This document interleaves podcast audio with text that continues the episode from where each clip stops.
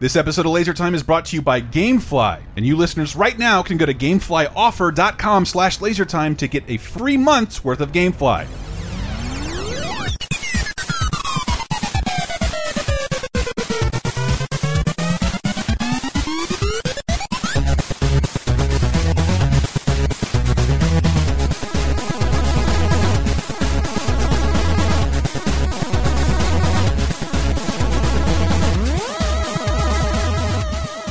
Shazam, ladies and gentlemen, welcome to another episode of Laser Time, trademark Disney. I'm Chris Antista, copyright the Jim Henson Company. Um, here with another fun-filled topic for you, the Laser Time Show, the 17th leading pop culture show where each week we pick a brand new topic, do a dickload of research, bring you some fun sound effects, and we have our uh, friends and experts chime in along with us. And I have recruited my sick of Star Wars buddies. You should be listening to Sick of Star Wars and patreon.com slash lasertime, supporting this show and many others.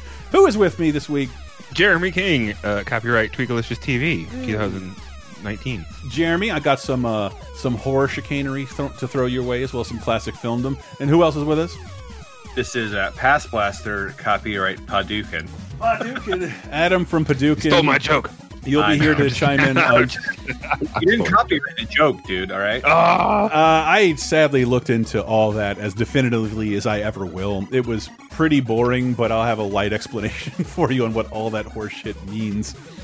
Um, I, I don't want to go too far because this episode is all about uh, fake characters locked in real life legal battles. And that to me is really funny to think about because when you think about custody disputes and a divorce, you think of a sad kid in the middle. And now imagine a buff superhero or a talking green frog or, locked in locked in a prolonged decade long legal battle. I teased Kermit the Frog. That is not going to happen. but but real life characters caught in actual legal battles, and it's it was it's one of those things that fascinates me. And um, Adam can really help me with the thing that inspired this this topic that made me look into this. And it's not most of m- most companies realize that you know it's probably better if we split a pile of money than have no piles of money at all. So a lot of this gets resolved. But in the few cases that it doesn't, and uh, kids and children's entertainment and light fare gets ruined by litigiousness is something that will never not fascinate me. You know, I was I wanted to look into like the saga of the X Men because we on 30 2010 the show we do about what the the the anniversaries of 30 20 and 10 years ago the X Men movie is 20 and I think is pretty responsible for the launch of the MCU but they've had to behave completely separately from Marvel in all of their cinematic forms and then be played down in the comics, thus diminishing the X Men for like more than an entire generation. And we still don't know what the specifics of that legal brouhaha was, other than I think Marvel gave too much control to uh, Fox when they decided to make an X Men movie. But that, that was something that crushed me as a 80s 90s kid who in X-Men were the biggest thing in comics and couldn't they haven't been able to play with Marvel yet in the Marvel Cinematic Universe. Total bummer. But may I start this out? Will you indulge me with another comic book saga? And I want to get this out of the way because I think you could probably a better podcast host would be able to get a whole show out of the saga of Captain Marvel.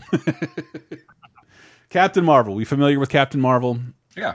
So, uh, I mean, the movies, yes. I'm not. I'm No. not a huge Marvel uh, person, but I, I I know, know- movies. it's like what? It's a DC character named Captain Marvel, right? It's it's fucking out there, man. It is it is completely crazy, and Yeah. it's and it also tells the story of irritating corporate consolidation because the only reason Strap it- in, kids. the only reason it calmed down. So let me talk about fictional characters talk like locked up in legal battles, and this will go on. But again, this this in particular is the story of comics and the rise and fall of comics. It it it's there every step of the way. Um, starting back in 1939, one year after the debut of Superman, Superman, the first superhero. Um, we have Captain Marvel. It is your duty to see that the curse of the scorpion is not visited upon innocent people. My duty? Yes. So long as the golden scorpion may fall into the hands of selfish men, it is the duty of Captain Marvel to protect the innocent from its evil use. But who is Captain Marvel? You are my son. so that is from the 1939 short The Adventures of Captain Marvel. Captain Marvel, the first character, uh, the first superhero ever brought to the screen in any way, was supposed to be Superman. They couldn't get him. Uh, but he would he would come a little year later in the Fleischer shorts. Um, but Captain Marvel, 1939, one year after the debut of Superman, CC Beck and Bill Parker create Captain Marvel, Marvel in the pages of Fawcett Comics, public, Fawcett Publications, Whiz Comics number two. Uh, Billy Batson is a homeless orphan. Like that's a great place to start with an underdog. uh, homeless orphan uh, endowed by the wizard Shazam, who you just heard from, with the powerful acronym of Shazam: the wisdom of Solomon, the strength of Hercules, the stamina of Atlas, the power of Zeus, and the courage of Achilles, and the speed of Mercury. All Greco-Roman gods. I I don't know, Jeremy. Anything on that? I, I don't. I don't know any of those people. Uh, correct. Correct. uh, all of whom would eventually appear. All of those characters whom would eventually appear in DC and Marvel comics anyway. So, uh, so that's it. At this point, Captain Marvel is not a DC or Marvel character. It is owned by Fawcett Fawcett Publications. Uh, then you get jump to 1941, National Comics, which would eventually become DC. They sue Fawcett Comics for copyright infringement as Captain Marvel is kind of beginning to outsell Superman. And you you have to sort of imagine a world where You don't outsell Superman. yeah, yeah, we're the first thing of this ever. I mean, outside of like myths like Hercules, Superman is this the first superhero. But uh, going back and looking at some of those initial comics, like Superman is a Boy Scout kind of boring alien, and the origins of Captain Marvel are he is a kid in an adult body, and he's a little quippier, he's a little funnier, so like a little more appealing. It's more relatable. Yeah. I mean, inherently, you Yeah. know, like uh, Superman is literally an alien. So, so Like- D DC is take. He's the original. He's he's not just an alien. This is what I love. He's a fucking immigrant. And if you, it's I said love that. And if you're, are you anti Superman? Anyway, uh, originally the courts found uh, Captain Marvel did in fact rip off Superman. However. National slash DC didn't file a copyright in any way of, of Superman, so they had no case.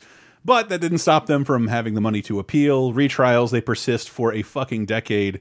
And eventually, Fawcett settled with DC out of court for the today equivalent of about $4 million. By 1953, the superhero movement in comics had kind of cooled down. and The Fawcett Company left comics altogether. They're just done by 1953. Uh, meanwhile, in the UK, the English pu publisher Miller and Son officially licensed uh, Fawcett Comics Captain Marvel to be reprinted in the UK, which in a smaller world with a lack of communication left them kind of unscathed and like not aware of the lawsuits occurring in the US. Uh, in fact, there was still an anti-comics craze going on. I'm sure you guys have heard about uh, what is it? Corruption of the innocents, and like it- back in the day, comics were how your parents talk about Fortnite. Uh, they're allowed to operate relatively unscathed, and even less scathed because in the UK, part of it, uh, the Harmful Publications Act didn't uh, like didn't permit a certain amount of U.S. comics and characters coming over anyway. And by the time uh, Captain Marvel had run out of stuff to republish, when the Miller Company was done republishing Captain Marvel material, it decided to create its own ripoff outside. A completely different character now known as Marvel Man, uh, a comic for UK kids. Uh, so Marvel Man in the UK was incredibly popular overseas, not really having a basis with uh, Captain Marvel anymore. He would say, Kitomata back, and that is atomic backwards because you know this is the fifties, uh, which would take a young reporter and give him all of Captain Marvel powers. In 1963, Miller and Son would go bankrupt and basically take Marvel Man down with them. so you cut to 1961, Timely Comics. They rebrand Journey into Mystery as Marvel Comics, and you see where this is going. Um, we now have a Marvel Comics label. That is what they're called. So around 1967, Marvel Comics is just Marvel comic Comics now, and uh, they noticed that the Fawcett pub Fawcett Publications had let their trademark on Captain Marvel expire. So 16 years after the last Captain Marvel story, Stan Lee and Gene Colan uh, create a Kree alien character, Mar Dash Vel, an alien spy sent to sent to to fiddle with Earth, to meddle with Earth, now turned defender of Earth, uh, and this was where things got gobbledygooky to me. That the idea that uh, Oh, this is where I got well, the trademark uh, of Captain Marvel is what they let it expire. Had Marvel created a character who said Shazam and got powers, that would have violated the copyright that was still covered. But it's just the title of Captain Marvel that they that that, that the trademark covers, and trademarks are things you have to vigorously defend in courts all the time. Yes, it's right. it's it's a little easier to see how like yeah, this guy's Harry Potter. He was born on Privet Drive. You can't just make your own book with Harry Potter. Uh, but Right. copyright covers like story and IP. So, uh, so th they got away with it, and essentially, it's nothing like Fawcett's version anyway. But uh, and so then DC would officially license the Captain Mar Captain Marvel copyright in 1972. The very character from Fawcett Comics, the red suit, the lightning bolt in the front, and his powers that he gets from yelling Shazam. Uh, DC would no longer be allowed to call him Captain Marvel. They called him Shazam. In the first 15 issues, the original Captain Marvel. Marvel had a big problem with that. and so this this is this is the part that's fascinating to me as a big Marvel Comics person.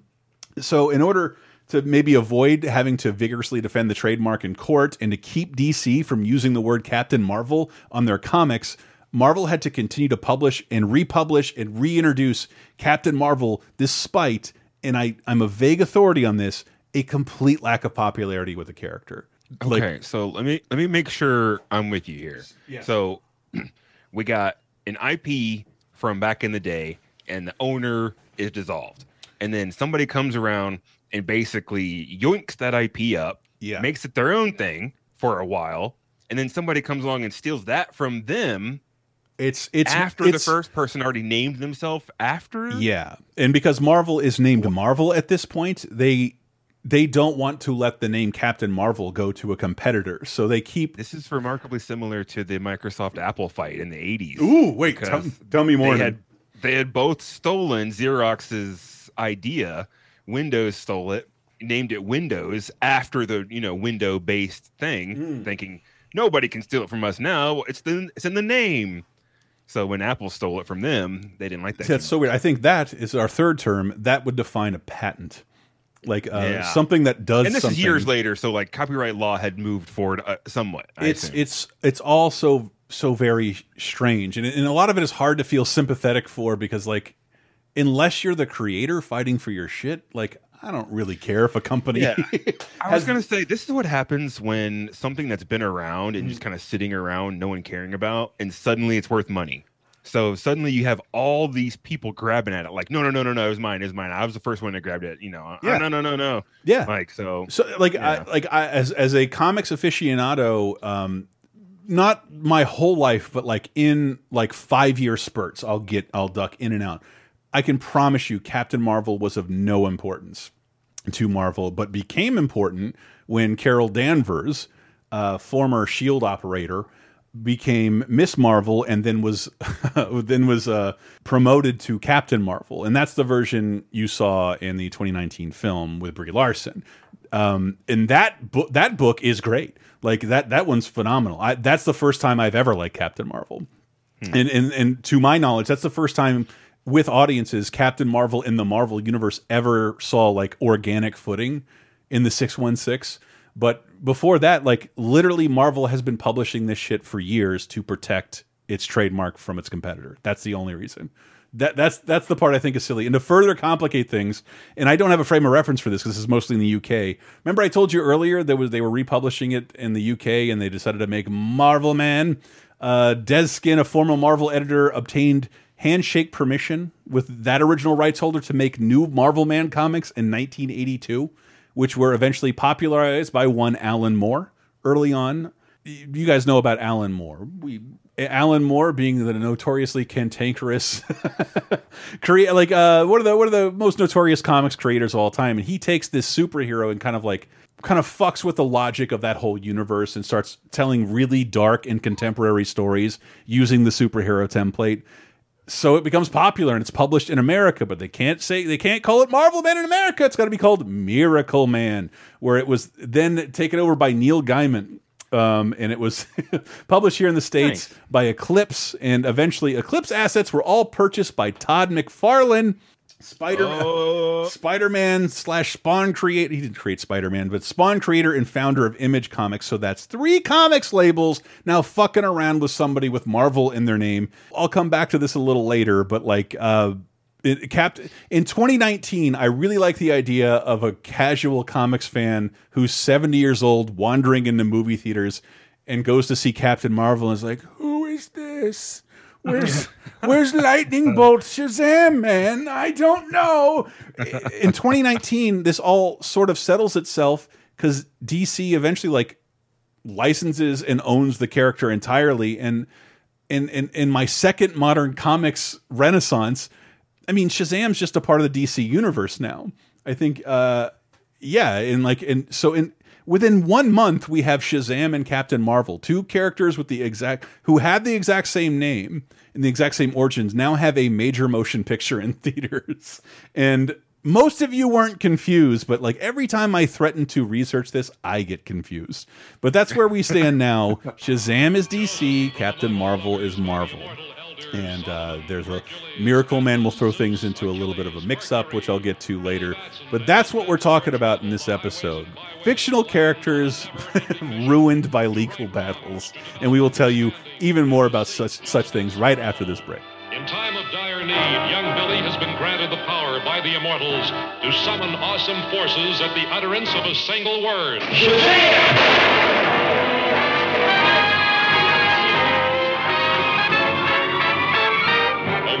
which transforms him in a flash into the mightiest of mortal beings, Captain Marvel.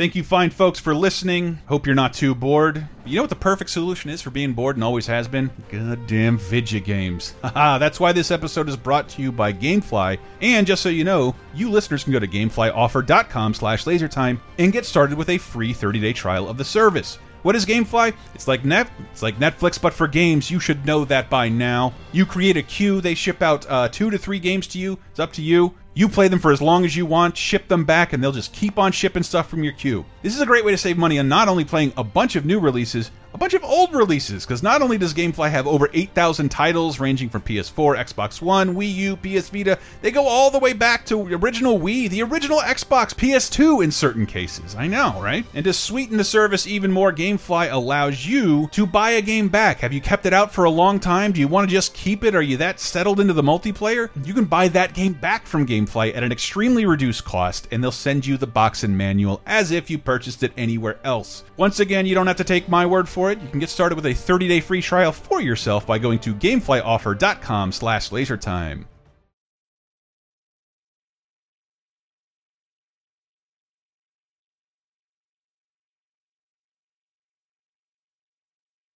Hello, fellow nerf herders. Did you not like Last Jedi, Rise of the Skywalker, or would you just prefer a majority of Star Wars fans take a slow walk into a volcano? What I'm saying is, are you sick of Star Wars? Well, I thought I was, but my co hosts Jeremy and Adam beg to differ, except when they don't. Get ready for a whole lot of love, a whole lot of hate, and a whole lot of geeky therapy in our new series, Sick of Star Wars with a big giant question mark, exclusively available at patreon.com slash lasertime. Here's a little taste. McClunky.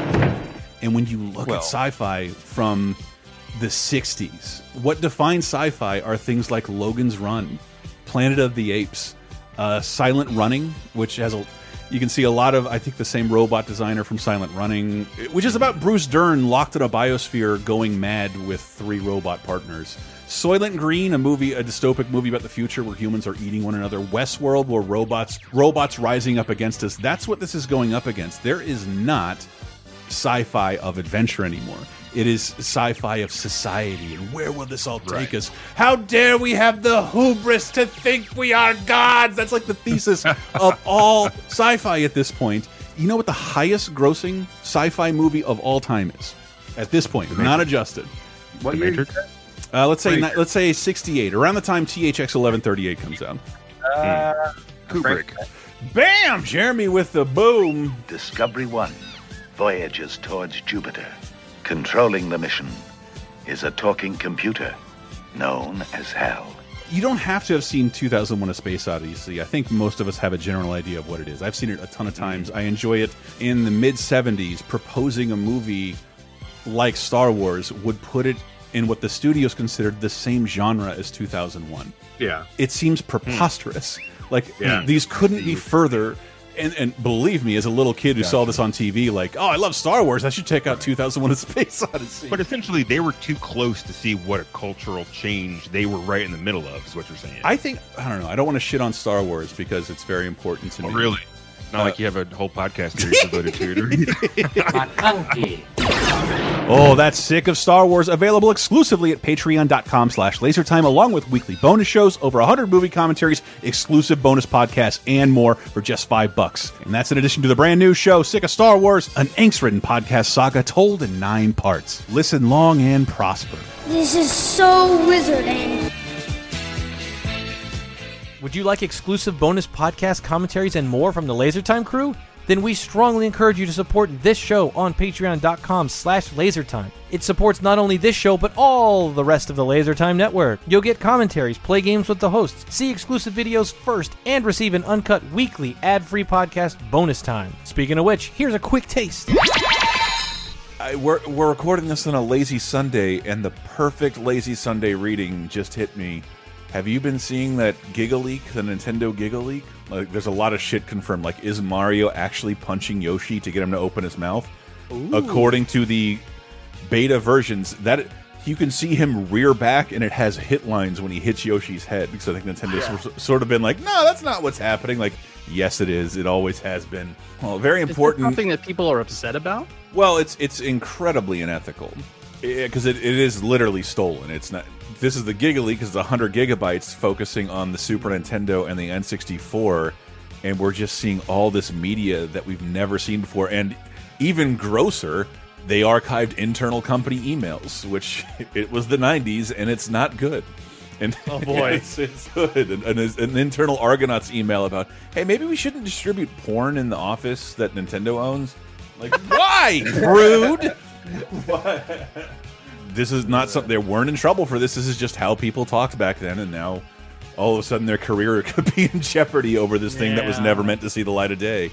I don't know. Godspeed to you people. I'm sure some of my emails come off pretty bad at this point. Uh, not a lot of not a lot of weird language. No, there was one time. I forget how I phrased it. I should look that up because uh, everyone thought it was pretty funny. And imagine one day you're just being a male in your mid 20s on an early internet on a website just to waste time with video of people doing adult things and you're scrolling through and then you find a video of yourself and all of your workmates. Oh. So I had to make a decision like guys, our video got stolen by this porn site I frequent. Can I send a mass company email? Oh, oh, 'Cause- man. and I did, and I did, and it, and, and even like 15 years ago, it didn't set set off any red flags, and most people found it funny. I remember, I think Elson highlighted like, "Wow, we're trending number two right underneath secretary turns fucking into an art form." Uh, Get Bonus Time, a weekly uncensored and commercial-free podcast every Tuesday, starting for just $5 on patreon.com slash lasertime.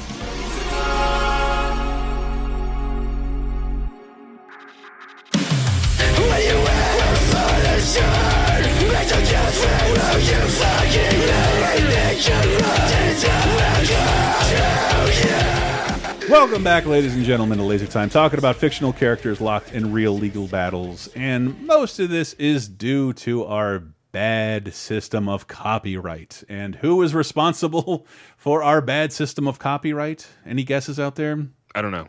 I have no idea. Think of original characters and the most evil. Disney. Com- there you go. It is Ah, ha, ha, Disney, uh, and more specifically, Mickey Mouse. Gross. I'm the mascot of an evil corporation. That that is Bart Simpson in the Simpsons movie wearing a Mickey ear colored bra on his head, doing an impression of Mickey Mouse, which, by the way, you can now see on Disney Plus because Disney owns The Simpsons. it is truly a bizarre world that I've lived through. It's what this feels like. That uh, you can't see most PG thirteen movies on Disney Plus, but for some reason, this one you can. uh, But uh, Mickey Mouse is responsible for that. Did you know copyright was originally supposed to last only 56 years? That that is Yeah. that is what the courts I think they defined as a financial lifetime. 56. Well, copyright law in America is what happens after generations and generations of laws being just stretched and contorted and bent in every which way that the money at the time has decided will help them. Mhm. And the way legal system works in America, well, laws don't go back to normal eventually. They just get amended further and further and further. So now we have this uh Lovecraftian monster nightmare beast of a, a law system Mhm. here in America, and it's just a nightmare. And in America, the reason why everybody's such a bastard about their copyright is because the law says you have to be. If Right. you don't doggedly chase down and sue the pants off of anyone who is infringing on your copyright, then you legally forfeit the copyright. You know? uh, You're saying I don't care. I th yeah, there's the examples I have are one personally when I worked at Capcom and I was working on the community end where we'd showcase like, oh shit, someone made Mega Man out of like suppositories or some shit, and like we, we'd post we'd post that kind of. And it's in the world before social media, we had like the Capcom had a website to showcase fan works, and then if everything was all fine and good until you did something that tried to make money off those characters, and either we had the general rule not rule but like was said you know like we have to we have to pretend on like et, like we don't see your etsy shit so we don't sue you. Because if we do have to sue someone like you know like a nefarious malaysian company for stealing characters and putting them on t-shirts they could prove like well you didn't go after this one person on etsy for their fucking servbot oven mitt so you don't care about this property. Like you but it's not in a company's best interest to constantly sue its fans you know? You want to go after big people who are violating things on big levels. And, and, that's and therein lies the problem. See, mm. and, and we like to demonize like the Disney's and Foxes mm. for not letting us have our, you know, our favorite movie mm-hmm. when we want it, but it's they're they're kind of victim. Well, let me not say that. Let me walk that back real quick. Um, these fucking billionaires are not victims of anything, Right. You don't have to feel bad for these uh, billionaires. They, they fall prey to the, the to the twisted rules of everybody who came before them. So I think if we want to fix that, we should look at the legal system and say, hey, let's iron this out once and for all. Let's let's fucking get our poop in. Yeah, I really like the I, and I like the idea of 56 years originally, which was for copyright. Like that covers me. If I create something popular, I'm good forever, and my kids and even grandkids are probably set. But extending it longer means like, oh, my great grandkids are set and guaranteed to be pieces of shit. Like, Yes. having never done anything and profiting off of a And that's how you long-standing character. Oligarchs. Well, I do. I do think actually the extension of the copyright is also how we get like, I mean, all these Marvel and DC characters that are on screen are almost a hundred, like ranging from hundred to seventy-five years old. That run longer than how long this copyright lasts. We wouldn't still be seeing them on screen. We would be seeing new things and new stories and new situations had these copyrights not been extended. And I think that that that as far as I can, and I'm not an expert on this, man. I'm really bad about like reading through legalese like this, but I do like that it's called the Sonny Bono Copyright Term Extension Act. uh, in 1998, works published in 1922 or earlier were in the public domain. And then with 1923 works, they were scheduled to expire in 1999, but Congress passed that Sonny Bono Act and it added 20 years to the terms of copyright. Meaning, like, if you are, are, are a kid listening and you're born in the late 90s, you have no idea what it's like to have a public domain because it, it didn't happen until last the end of last year. That's the first time anything's gone in the public domain in two decades. The public domain, like, if you're mystified why you see movies about Sherlock Holmes and Robin Hood, and Frankenstein, it's because those are public domain characters that people can interpret in new and fun ways and like make new things out of, and they belong to the world. It's an interesting thing to think about. Um, a, a character lasting that long to where the public can do whatever they want with them. And your generation is kind of being denied that. Our my generation is being denied that. We can't we can't remix popular American folklore essentially, which is fucking important uh, because of Mickey Mouse. That this this is done exclusively to cover Mickey Mouse, which in 2024 will lose its copyright, and it's fascinating to read about how that's going to go down. Because uh, do you get fleshy white? Wide-eyed Mickey Mouse? No, you can do whatever you want with Steamboat Willie, which in and of itself is a parody of Buster Keaton's Steamboat Bill. it's a it's a reinterpretation of another thing, and Disney's Hmm. fighting ha oh, hand and fist to protect the 1928 debut of Mickey Mouse, which is a parody of another thing. Like it- Right. it- and so like it seems dirty as fuck. It It's just does. like, wait, why won't you let people do what you did? And, and, and given know? the way the world is now and like corporate consolidation and how much leeway you'll get on social media, no one can really do anything with Mickey Mouse. We will confuse with your legitimate in park product. You're, you, and you should always be doing better with it given the resources you have than any other fan could do. I, I feel the, the funny thing about this is how this covered Sherlock Holmes. And I don't know, I, like I read the original Sherlock Holmes stories, and I only have those experience highlighted by uh man, Sir Car he's like, aha, I ejaculated, and then that elicited a lot of laughs in class. He used he used the term Same. ejaculate to say I said enthusiastically very often. But he he wrote a bunch of stories starting, I think, in like 1883, and then retired the character and said, "I'll never bring him back. I'm done with Sherlock Holmes." And then in 1923, he did. So Lion sack of shit. so well so what that means is that like Sherlock Holmes original works are public domain but the 10 stories he started writing in 1923 that go into like what don't mention Watson's failed marriage or what, what he did as a hobby because those were established in non-public domain works that are protected so people had to be Fanfics. very very Sherlock Holmes fans had to be very very careful because there was a there was a line literally cut in between what Sherlock Holmes works you can use legally as public domain Are you and what telling me that Sherlock Holmes nerds were shipping back in the day? Like they were like writing fanfics about like love lives. And you shit? say this in, in in 30 2010 we just brought up Sherlock uh Sher the Sherlock show with Benedict Cumberbatch Yeah. um, and and uh Tim from the office uh, it's 10 years ago so the, so technically the property's never been bigger and like it's it's public domain but it isn't it's uh it's Yeah. it's a little scary for corporate but it's why like as a PC gamer like you, you, you can you can buy like I think 700 Sherlock Holmes games on there because Oh, he's, he's a public I'm domain character allowed to be interpreted however you'd like and uh, but but do not go into his later latter day history or his uh uh, his opium addiction that occurs later in the series. I don't know if that's a thing, but like, uh, yeah, he, he he existed on the line. I think last year that was changed a little bit, but Di Disney in particular has always been geniuses about this because um, they gave names, proper names, and different names to store. Disney only exists because it would take public domain stories and redefine them into like we defined most of these fairy tales on what Disney told us. But like uh, you know, if you've ever watched Pinocchio, Jiminy Cricket is murdered in the the story he's introduced in. Like within the moment he's introduced, he's murdered by Pinocchio. Figaro, the cat, never existed. Disney created that. Right. Um, Disney created that on their own. I love that's. Uh, I, I was in a Cinderella symposium with Brad Bird of Incredibles fame, and just that, like, um, in these early books, these characters would just talk to themselves for pages at a time. And Disney's like, well, they look like maniacs if they do that on screen. We got to give them little animal friends, like, oh, Figaro, I'm here to deliver all this exposition to you alone, and and that's that's why you have little mice friends. They call them the little guys at Disney.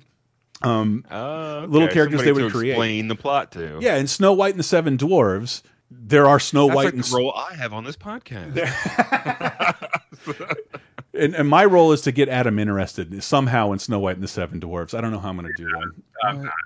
But but but Snow White and the Seven Dwarves have always existed. It's public domain, but Disney bothered to name them. That's their first movie. Happy, Sneezy, Dopey, Doc, those names don't exist in the book. So like nobody can do anything with those dwarves by their name that Disney gave them. If you look at Frozen, Frozen is based on the Snow Queen. They renamed all of those characters so that you can't make an Elsa or an Anna or a Sven.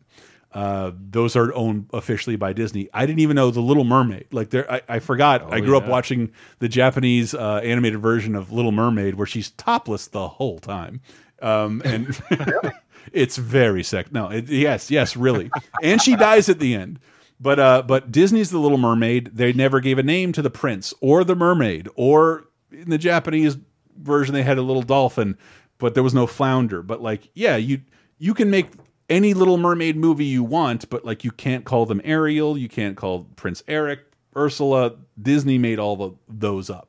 You can do any version of Cinderella you want, but like the names they gave the stepsisters, that's exclusive to Disney. But that's kind of the brilliance of Disney. They've been taking public domain movies and like redefining them to make them their own, but there's nothing stopping So- any of you from Are they making fighting, are they fighting to extend that copyright? so then? the so the rumor is is that they won't fight to protect that copyright. There are other measures, like say a company like Disney is doing. They've remade. They're remaking their animated movies to make sure it's not so much that they retain the copyright of Abu the monkey from Aladdin, but sort of like to solidify that, like, no, we make the definitive version of Aladdin.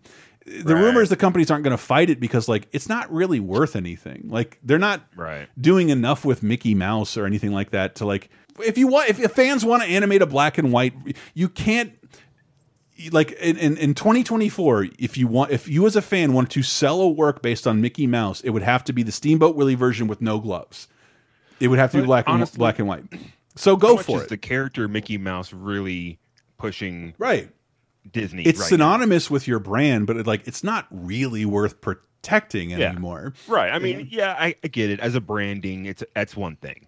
And you know they got the Mickey ears, and, and that's fine. So that's But, that's like, that's really, the rumor that that, that they're like like like companies aren't going to like trip over themselves trying to protect copyrights from almost 100 years ago. It's just not really worth it. And the, uh, the these most of these brands have like yeah, they've lived their life. like you don't really care. Sure. We we should care more about new things. And um yeah, exactly. Three generations is enough, I think. yeah, yeah, I think so too. And then watching how like uh, Tarzan and Robin Hood movies fail at the box office, like who cares? Like no one really cares about this old shit. Make something new. So, but but like uh, Disney, I wanted to point out were the ones doing that, and like and Adam, video games. I want to bring you into this before I bore the shit out of you guys with more comics um, and, and cartoons. Um, video games are currently going through I don't know, a little a little something like this. And and and, and apropos of nothing, like patents are something video games do all the time, but they don't enforce and sue one another over. But they technically can. If you look at uh, if you look at any app store, you can find a rip off of a popular game in the app store for free at number one, and like they can't really do anything about it because it's it's a lot more difficult to patent a game move because then you have to be sued by people who may have made that without your knowledge, blah blah blah. I don't know. We were talking about Mark of Kri on a, on a podcast, and it became famous because it had such a cool targeting system. They patented it, hoping people would license their their system. Uh, and I remember, you know, working in certain games, and like, oh no, on screen move prompts in a fighting game are patented by uh, Tekken, and we can't use that. And it, and like, what? How could they fucking uphold that? And like, they can't. But we all have these, and the system collapses once we start suing one another over over all this. The honor system. Uh, but uh, but my my favorite one that I th that caused me to look into all of this, and I know you probably have a Pro- Paducah episode coming out about this. Uh, is this character? Hey, Joey, what's she really like? She's the most exciting woman I ever met. Yeah? Atari introduces the Woman of the Year, Ms. Pac-Man. Just like the arcade classic, four different game screens, floating fruit, even pretzels. Wow, even pretzels. Don Pardo Even of of SNL fame.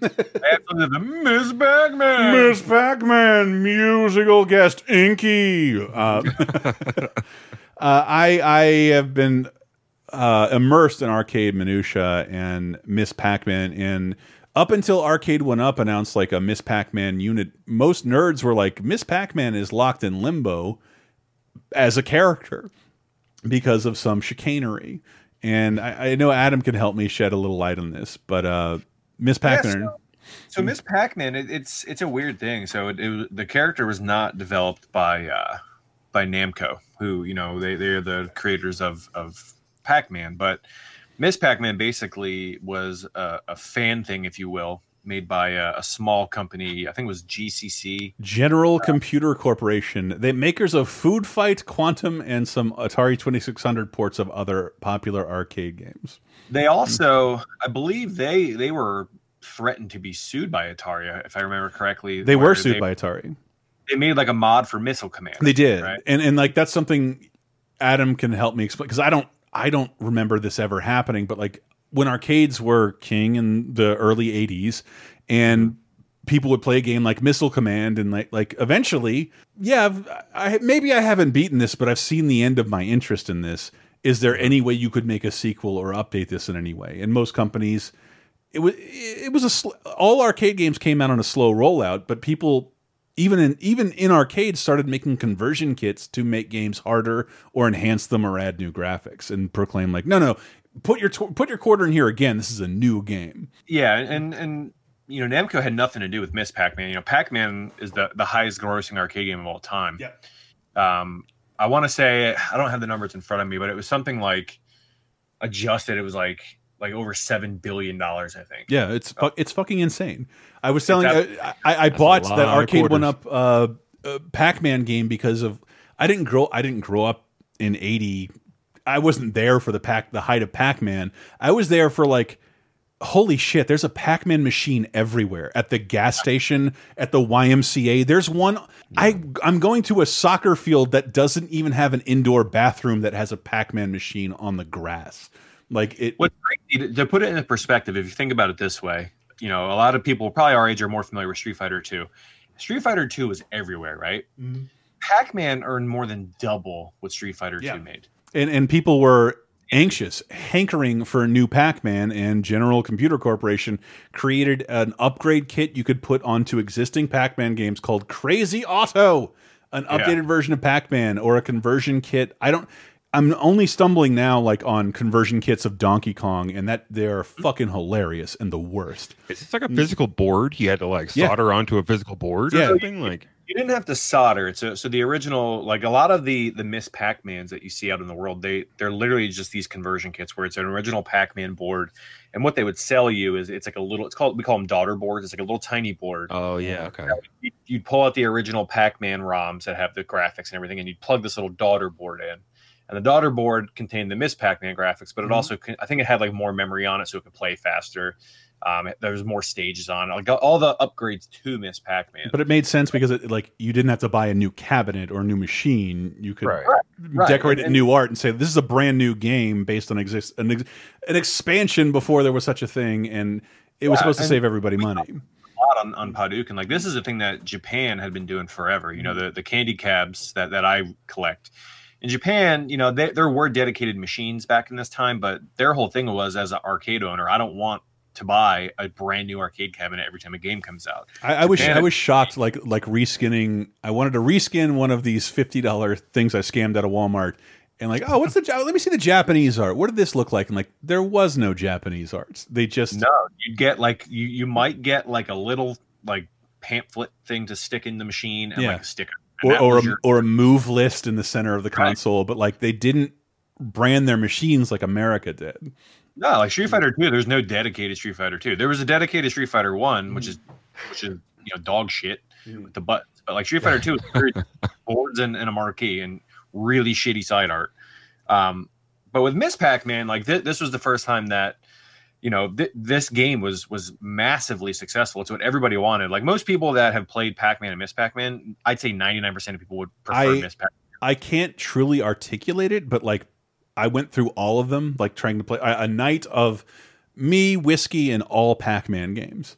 and Miss Pac-Man is far and away the greatest one of all. It is, it- but, but I'm at, at the- sorry, I can never see a difference between the, between them. Like they're exactly the same game to me. Just one has a little bow on its head. You you will because like uh, Miss Pac-Man has like cutscenes Yeah. in between. Oh. Uh, it has It's in video games. It- it- like uh, it has Yeah. different it has different power ups. It's a little more. It's a little easier faster. And it's faster. And- there's there's a there's a lot of differences on it, but like basically what had happened was, you know, back in the day, these com- these these games were made in Japan, designed in Japan, made in Japan, the whole thing, and then would they they would license them to like distributors in America. So Namco used a company called Midway. I, which- I hate saying it like that. Like Midway, Mi- I growing up, Midway was a massive powerhouse. They were like, yes, they were respon They were Mortal Kombat essentially. Mortal right? Kombat, yeah. Um, Mortal Kombat, most of the the the pinball, you know, like uh, Williams, all that stuff is, is is those same guys, and basically they were the distributors for America. So they they would get the cabs, they would, you know, I don't know if they were responsible for building them and all that, but they would basically distribute to all the American arcades. Um, so I guess I don't know how the how the how it happened, but I do. GCC, okay, I- well, GCC Midway eventually decided, hey, we're just going to make this thing and, and sell it uh, without Namco's permission. No, they they like well because because because GDC uh, G- uh, GCC had been sued by Atari. They're like, we can't really release this. Let's talk to Midway and say that we have this thing.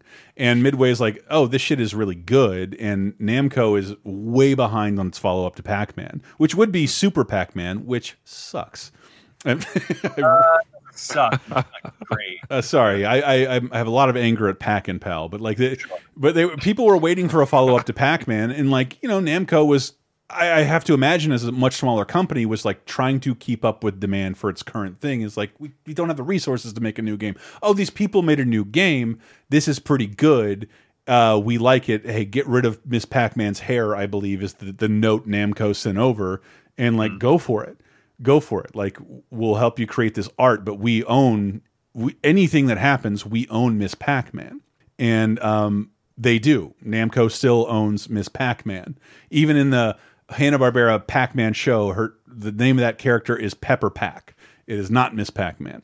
Right. Um, it, it, I'm sorry I have that information for everyone, No, but that, it's, it's interesting. It's just it's it's funny to think that like arguably one of the the most profitable games ever made was basically a, a bootleg of, of an already established game. It is, but they went they went through the they went through the right channels to try and make sure like let's not get sued over this again. And then Midway made it even more legit, and Namco signed off on it. But it also because uh, GCC created it, General Computer Corporation, they had royalties for Miss Pac-Man, Yeah. and they get they, and up until a few years ago, they would receive a very I would imagine a very small amount of royalties. But they didn't have control over what Miss Pac-Man did because that was owned by Namco, as you would assume. This whole thing is is weird that it's such a big deal back in the day because it's not an uncommon thing anymore with the way mods Oh, no. for popular video games are. No, no, The way that Portal became a huge success, being just a you know fan Oh, that's mod well, I think, for an I already think hugely. Valve may have seen all this shit coming, and they would like acquire these companies that would make cool shit with their engine. Right. Well, it's And like Counter Strike came from that. I mean, that was a fan thing. Yeah. Yeah. Oh yeah. no, no, eh, th- Left Gabe for Dead, Portal, all of this was unofficial shit. Valve's like, that's cool. You should work for us. And Yeah. we'll- but what that also means that's is like, brilliant. I, I, I imagine I don't. I the video game industry as a whole is bad with royalties. So is the comics industry. Yes. Uh, if you make a character in a movie and then goes this, you get paid, man. It's it's it. That's just how it works. But And they're all bad with this. Sampling became a thing. So G so GCC we'll call for short. They are they will receive royalties. These seven people in a garage who made this illegal mod of Pac-Man. They they to this well to to the day of a few years ago received some royalties. And then like the world Adam and I occupy, not necessarily Jeremy. Wow. You, you go into Walmart and you see What? like plug this joystick into your TV and you can play Pac-Man. Woo! You know what I'm talking about? The uh, fly by night Plug and plays or whatever. plug and plays and all that. Um, a company called AtGames comes in and buys the royalties of Miss Pac-Man. And this is last year. Uh, buys the royalties from GCC away from that company, meaning that they now get paid whenever Miss Pac-Man is used. And Namco finds out that they're trying to do this and starts to sue this company. And AtGames, I don't know. Like I like the new making consumer arcade cabinets. That's what they're in the business of doing. Plug and plays, counter cabinets, and selling you a 301 game arcade unit for your house. That's what they do. But they purchased the royalties from this company, meaning they can't like make a Miss Pac-Man 2 or anything like that.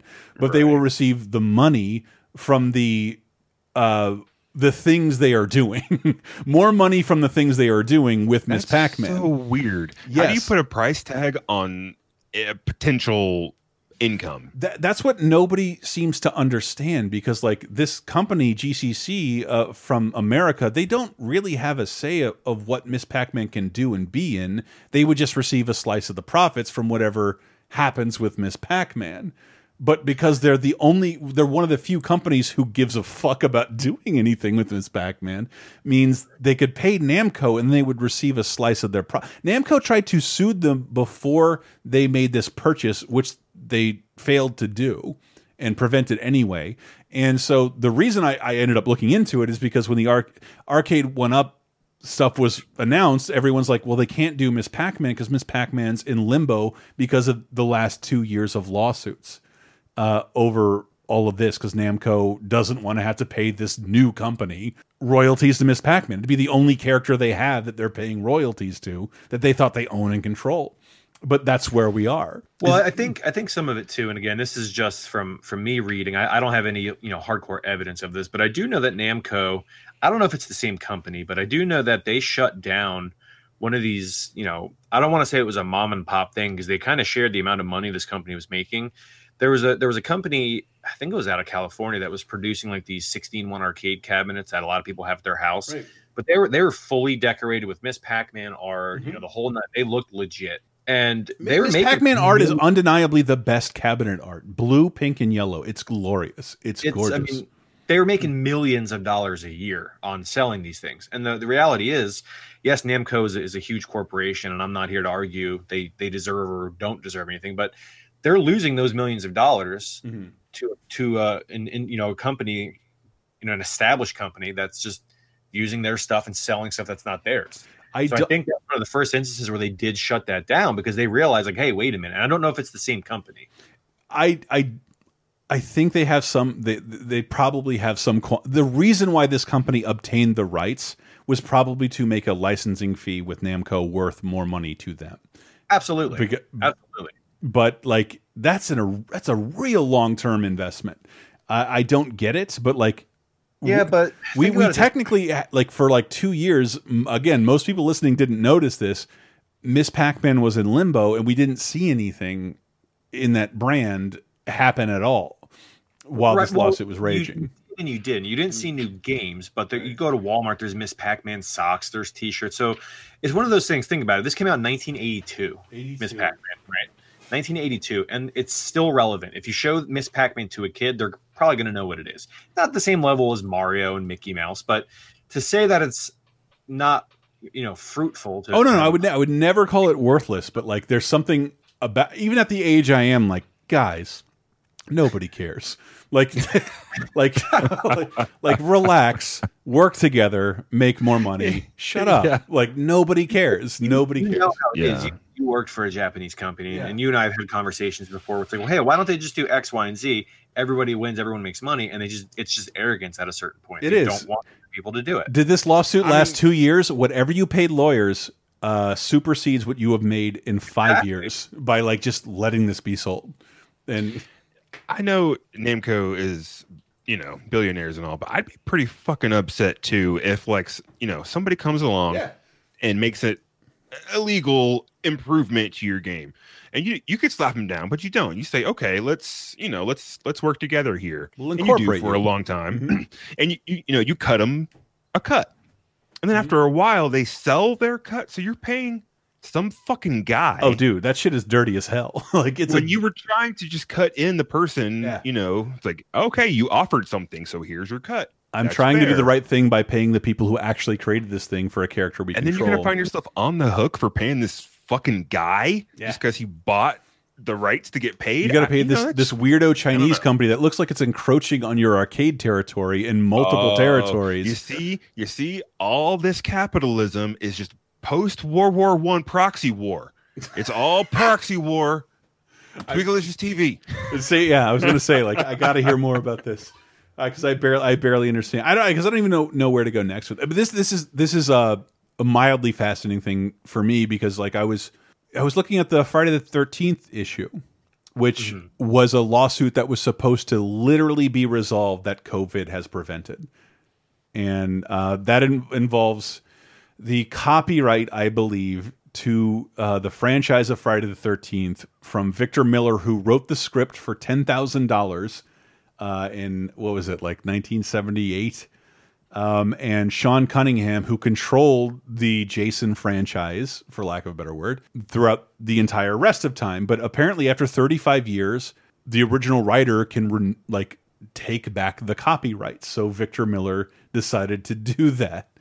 And uh, Friday the 13th, I think for gamers, uh, there was a, a, great, a fucking great game that they were releasing new content for. And they said, we have to halt all new content because there's a, a lawsuit, a pending lawsuit with the creator and the rights holders. And uh, initially, the original writer won the, the the the underdog won the rights back to the Friday the Thirteenth stuff. Wait, and you're talking about the recent game from a couple years ago, Yeah. or the Yeah. one from the '80s on this? no, no, I'm not talking about the LJN version because because like like NECA Toys is still announcing new Friday the Thirteenth uh, action figures, but they're based on old things. And what this is preventing is the franchise moving forward, which should be concerning if you're a fan of Friday the Thirteenth, which I think we all are, right? Oh yeah. Well, I mean, oh, Friday the Thirteenth moving forward is how we got Jason X. so be careful what you wish for. It's true. It's you know? true, but the remake's not bad, and I, I I'm with you. I don't. I I revisit the Friday the Thirteenth franchise for nostalgia. I don't.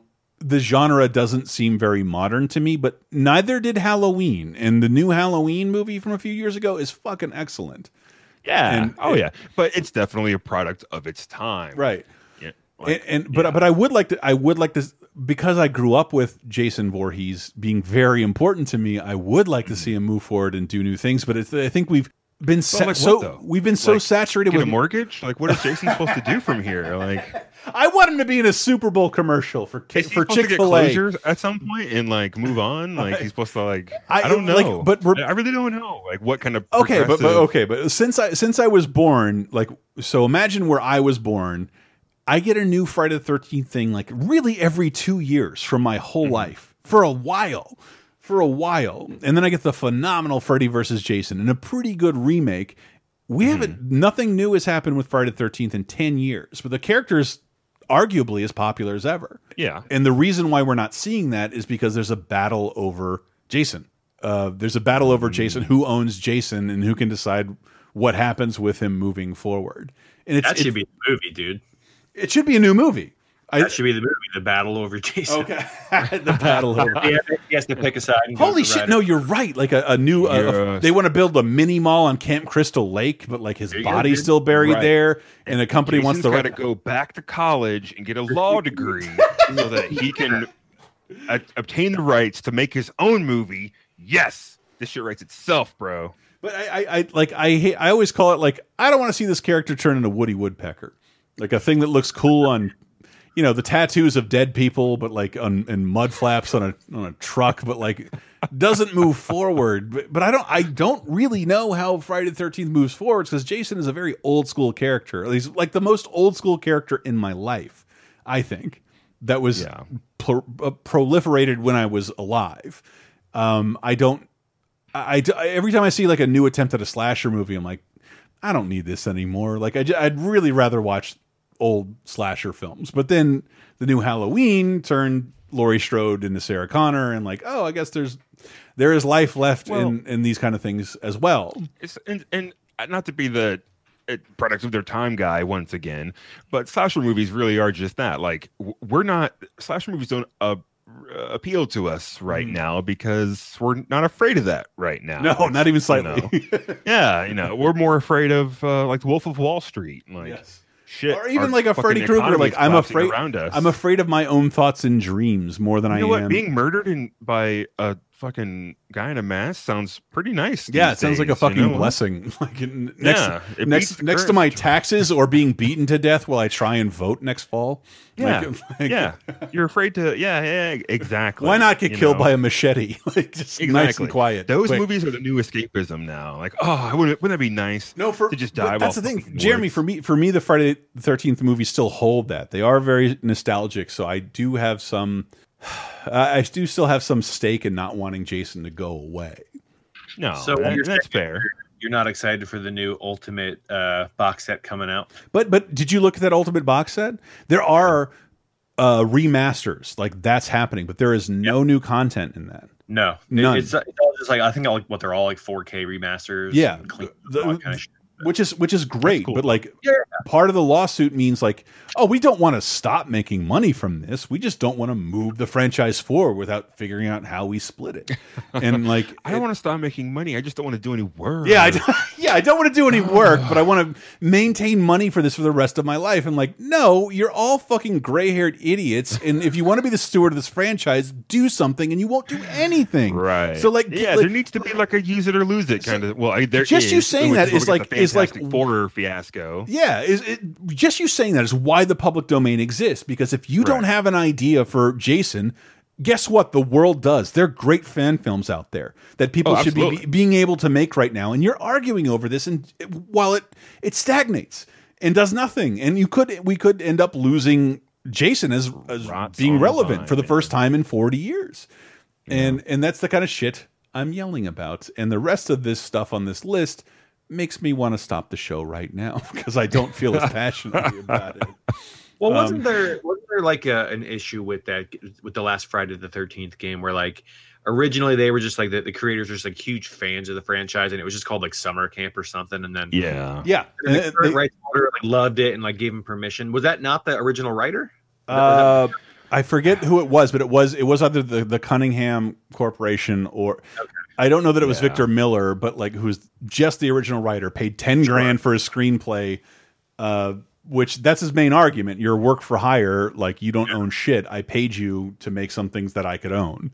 Um, but yeah, the Friday the Thirteenth game sort of kickstarted all this because, for lack of a, a better conclusion, like it showed that there was still life left in the franchise, and kids were all of a sudden into Friday the Thirteenth in a way they weren't ten years ago.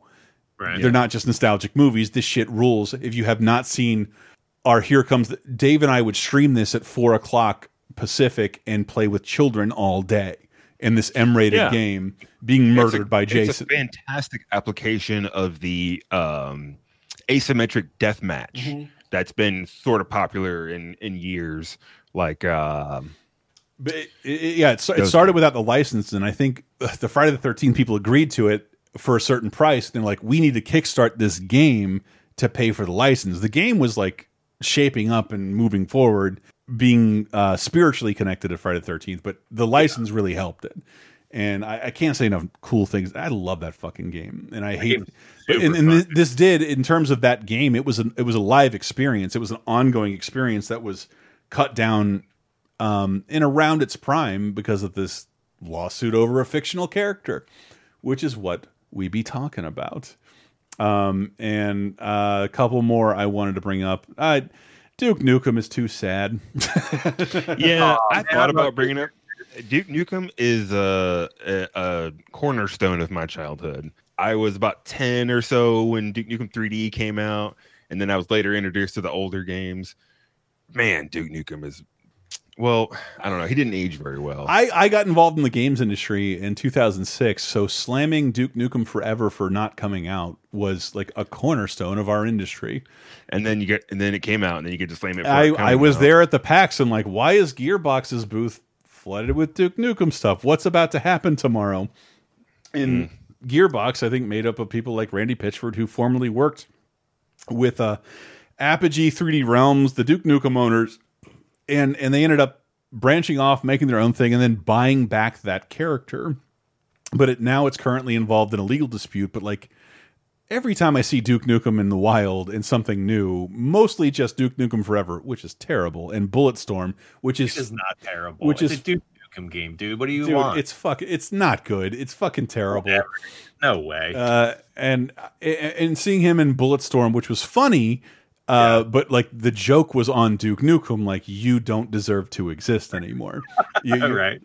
and and all these companies fighting over this character that is for me who loves classic shit and new shit is worthless worthless Oh, get out of here, dude. No way. worthless like you'll never no one will get rich off duke nukem anymore that's never going to happen I don't give a shit about that, but like, they do. well culturally. I I mean, I get the whole like, you know, killing the you know big alien pigs and stuff like that. Like that shit holds up, but like I don't know.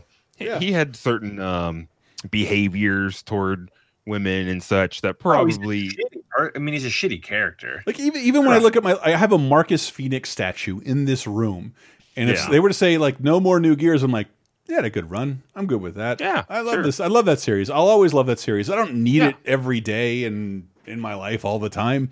That's how I feel about Duke Nukem. Like with a lot more regrettable shit. Uh, I I don't need that character every day. I'm gonna bore you guys. Yeah. With, I want to bore you guys with one before I Well, let bring. me say this. One of, one of my favorite things I read about uh, Duke Nukem Forever when it Mm. first came out is like, and I, I couldn't agree with this statement more. And I think it was actually Randy Pitchford who had said it was. He's like, you know, sometimes you want to go out for a super nice, you know, steak dinner, and then mm-hmm. other times you want a really shitty cheeseburger. Yes. And Duke Nukem Forever is that shitty cheeseburger for me, and it's it's the perfect way to talk about that game. I, I it's not a great game. I'm not going to sit here and say, oh, it's 10 stars, whatever it was, but I I thoroughly had a smile on my face the entire time I played through that that you know that game. It, I loved Yeah. it, man. I thought it was fun, but my shitty cheeseburger is actually a ripoff of Duke Nukem Serious Sam.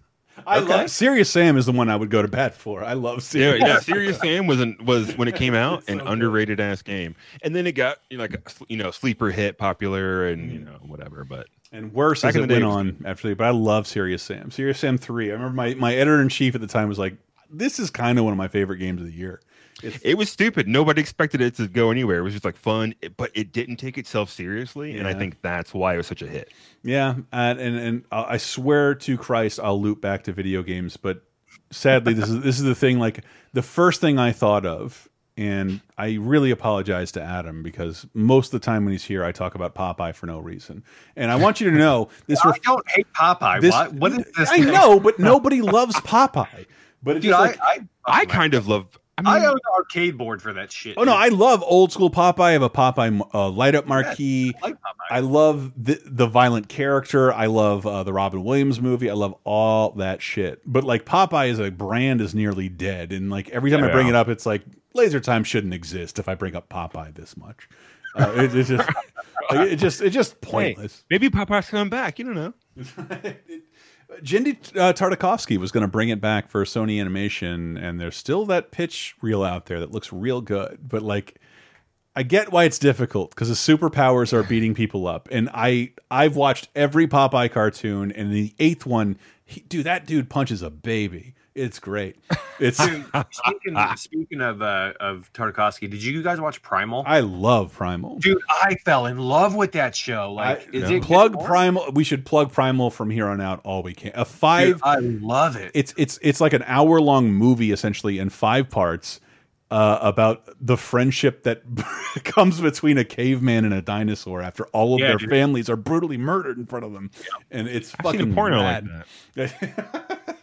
You watched the wrong Primal, bro. oh, Dude, no, I, I I randomly caught it on a. Uh, I was in a hotel for like a work trip, and I'm like, oh, this looks kind of interesting. I had no idea that that uh, Tartakovsky had anything to do with it, and I just fell in love with it. There's like no dialogue. It's just people yeah, killing. people call it silent, but it's very loud, but nobody talks. Yeah, it's it's. I fell in love with it immediately, man. It was so cool. So I'm bringing up Popeye again, Adam, and I apologize. But I but this is the thing that that like a hardship. Primal, dude. Come on. I had to work through in in, in, in when I was a little kid because uh, Popeye introduced in 1929 within another comic strip, 1919's Thimble Theater, distributed by King Syndicate Feature, who uh, wouldn't license Flash Gordon to George Lucas. Sick of Star Wars. Patreon.com slash LaserTime. Um, or or to or to Nintendo, so they had to make Donkey Kong because they couldn't make a second Popeye. Popeye is weirdly involved in all your favorite shit. Um, but Popeye debuts in 1929 um, and then becomes an immediate success in cartoons. And I really, really love those cartoons. Uh, anything with Jack Mercer voicing Popeye where he doesn't open his mouth and mumbles all the time. Those are my favorite. And the more violent, the better. And then we get to Bluto, one of many Popeye villains, but he was introduced in 1932, right around the time Fleischer started adapting the cartoons to shorts for theaters. Uh, in the 1933 short, uh, it's a 19 Popeye's introduced in a 1933 Betty Boop cartoon. it's like here's our new guy. He's I forget what we called that, but like when you're you're you introduce your new character you want to be popular on the back of another character whose popularity is waning. Popeye, Bluto, and Olive Oyl are all introduced in that debut cartoon, and Popeye would go on to star in 250 cartoons over the next quarter of a century, almost all of which feature Bluto.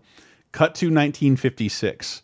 Uh, Paramount owns the rights to those Popeye cartoons, and like we talk about, television needs a lot of space filled, and they they bought those old theatrical Popeye cartoons. Probably hired a clown to introduce them, uh, and they're making a ton of money. But you know who's not making a ton of money? King Features, who owns Popeye, made no money on the transaction.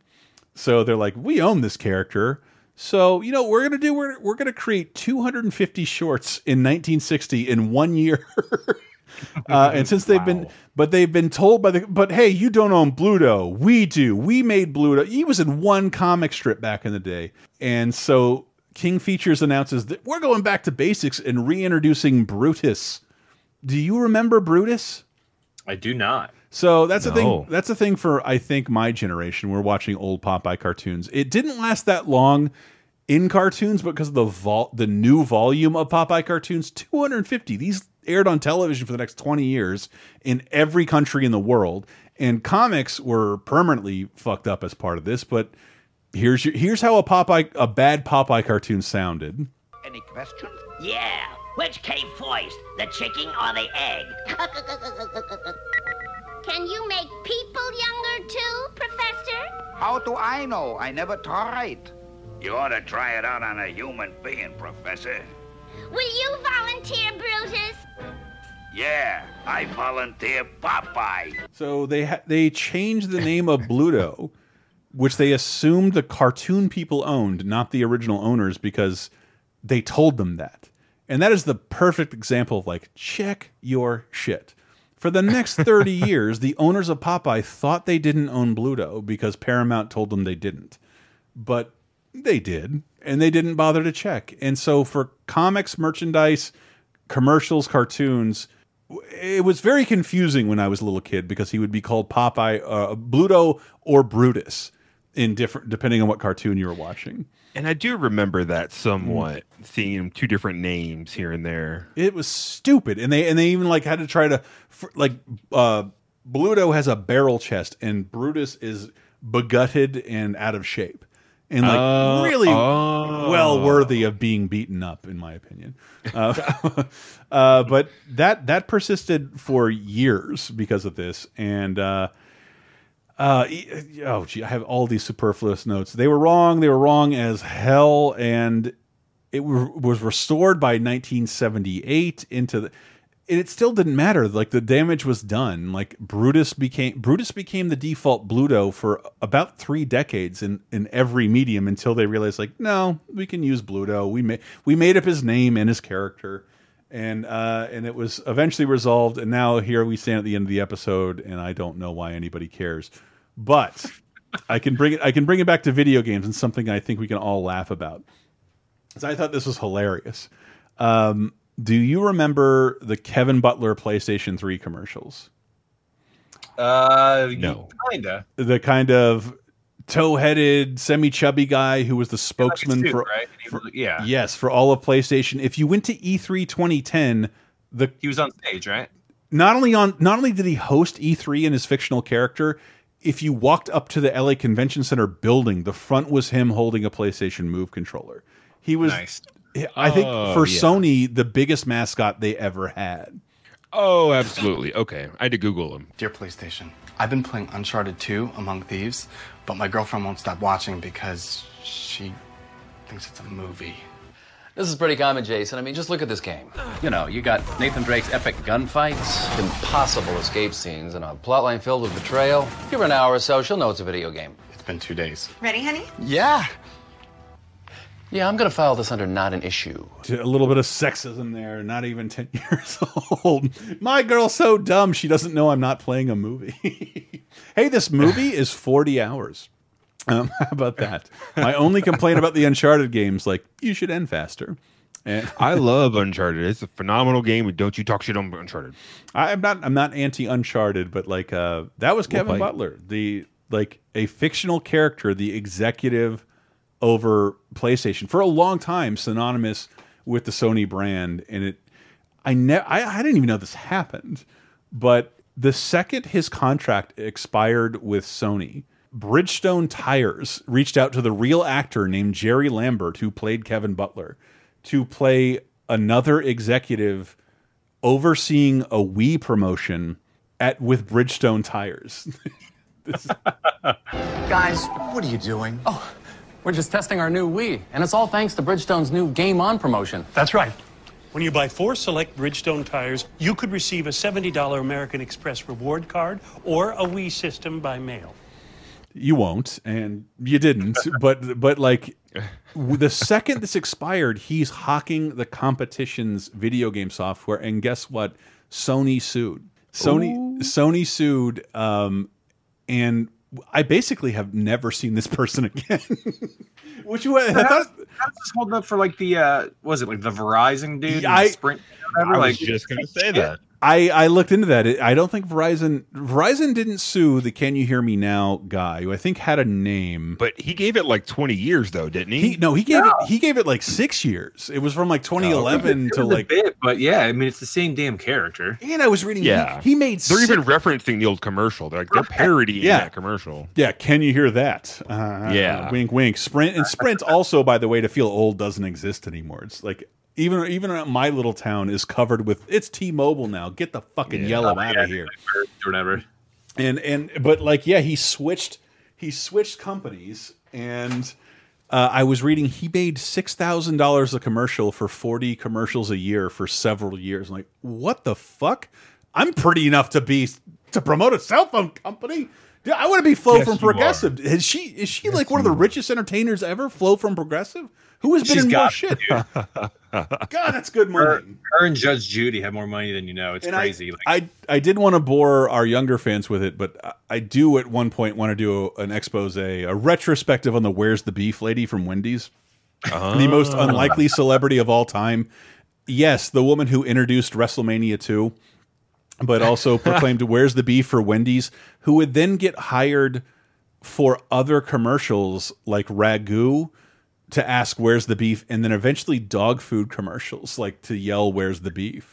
And was and was sued by Wendy's. And she's like I think at this point like you know she had a chaperone everywhere she went because she was not all there. But like the most unlikely celebrity the world had ever seen an 80 year old lady screaming about where beef is at.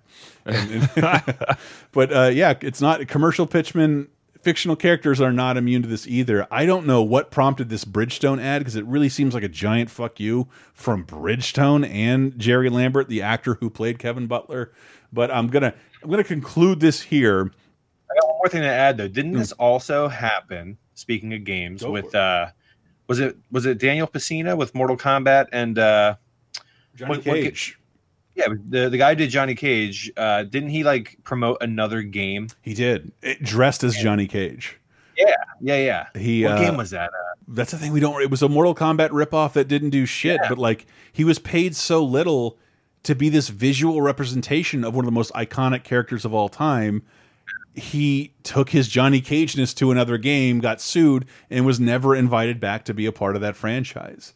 But Yeah. you know, Uh, people like me who were there originally, like I remember what Johnny Cage looked like. I'll always remember this guy. oh, for sure. I met him last year. He's a super nice guy. Yeah, it's it's I got to wear the Mortal Kombat 3 jacket, boys, in a real life. son, son. Oh boy. But you know, I- none of the. I, I don't think any of those people are currently modeling modern Mortal Kombat characters, other than the Shang Tsung from the movie.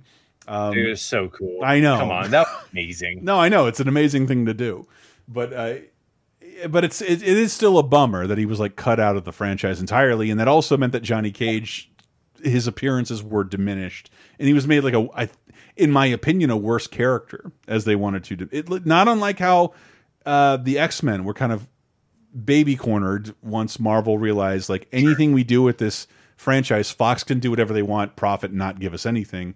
Right. We're going to diminish how much we use these characters at all, which fucking sucks. Like uh, losing a generation of X Men fans, it really does. Johnny Cage is like a middle aged dude now, right? Like in the newer games. He's got Uh, like a full grown daughter. Who, Yes. some, like something Yeah. Cage, who's also a character. Cassie Cage. Yeah, her, him, and uh, Sonya had a kid. Yeah. Oh, that's nice. Is that is that is that the nice. is that the one uh Ronda Rousey plays? Uh, no, she played. Uh, she played Sonya, I think. Or Sonya Blade's kid. I forget. I I, Yeah, I yeah. have Mortal Kombat 11 unwrapped on, or like in the in the wrap on my shelf. It's fun, man. Yeah. I'm getting It's- to No, it. it's good. It's good. I'm getting to it. Uh, and the last one I had, because this one cracks me up, and I didn't realize until I was done prepping the show, brings me into it'll it'll loop right back to the thing I brought up in the beginning. Did anybody read Age of Ultron, not the MCU movie, but the Age of Ultron comic series from Mhm. several years ago, 2013?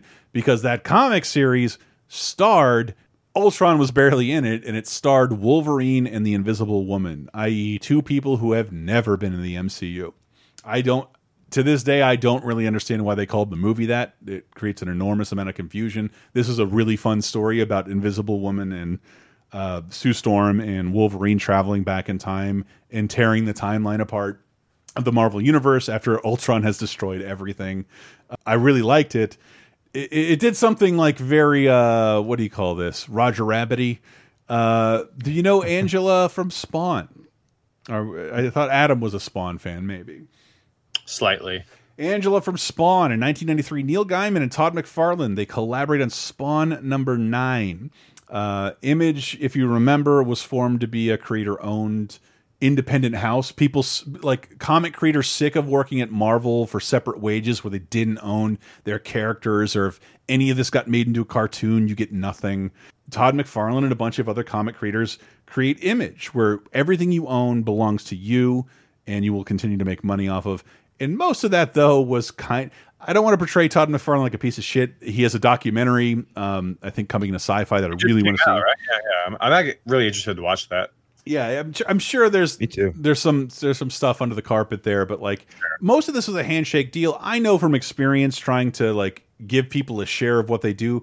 That just makes shit way harder on me, and is like impossible to maintain. It's hard. Uh, like like I, I can't do all the things you do and then do your accounting. It, it's fucking hard.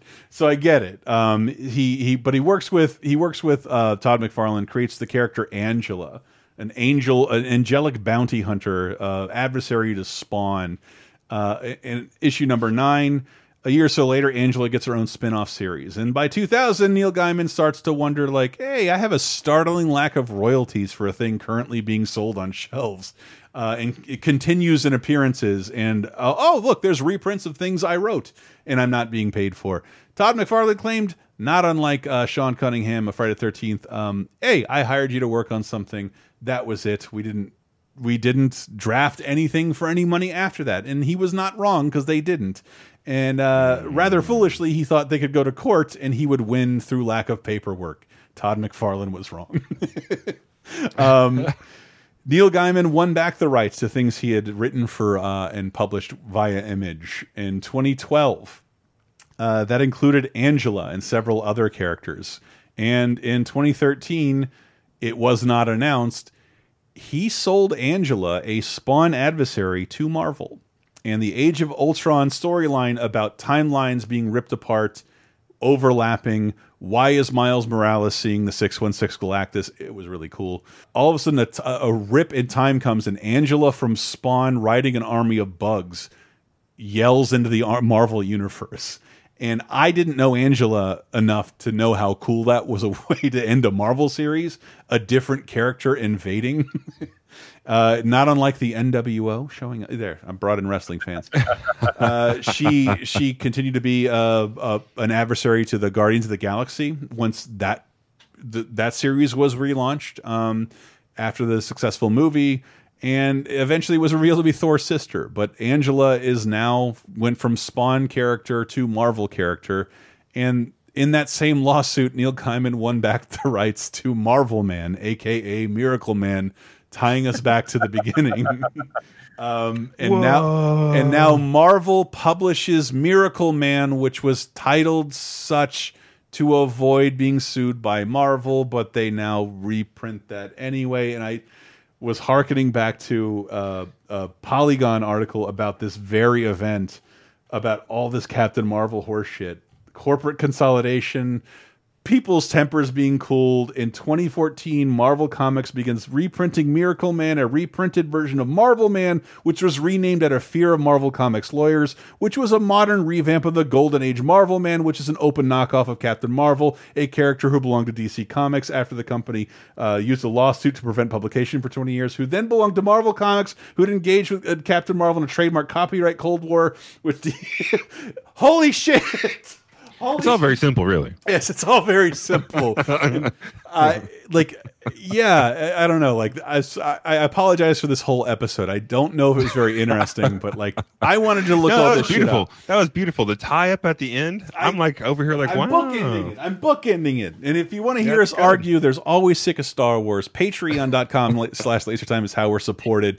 Uh, we have bonus shows every single week, over 100 full length movie commentaries, video specials for you, brand new podcasts, 30 2010 Games Edition, where uh, uh, Chris Baker will be joining us this month to talk about the games of uh, July that are celebrating 30, 20, and 10 anniversaries. And that excites me to no end because he was in the press in the year 2000 and can tell us all about all the shit, the silliness that was going on in the games press back when print meant something.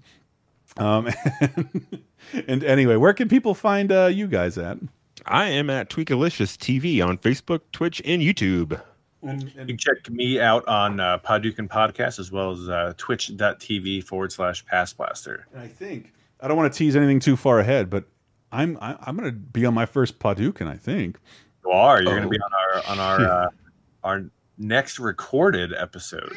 Mm, I'm so excited.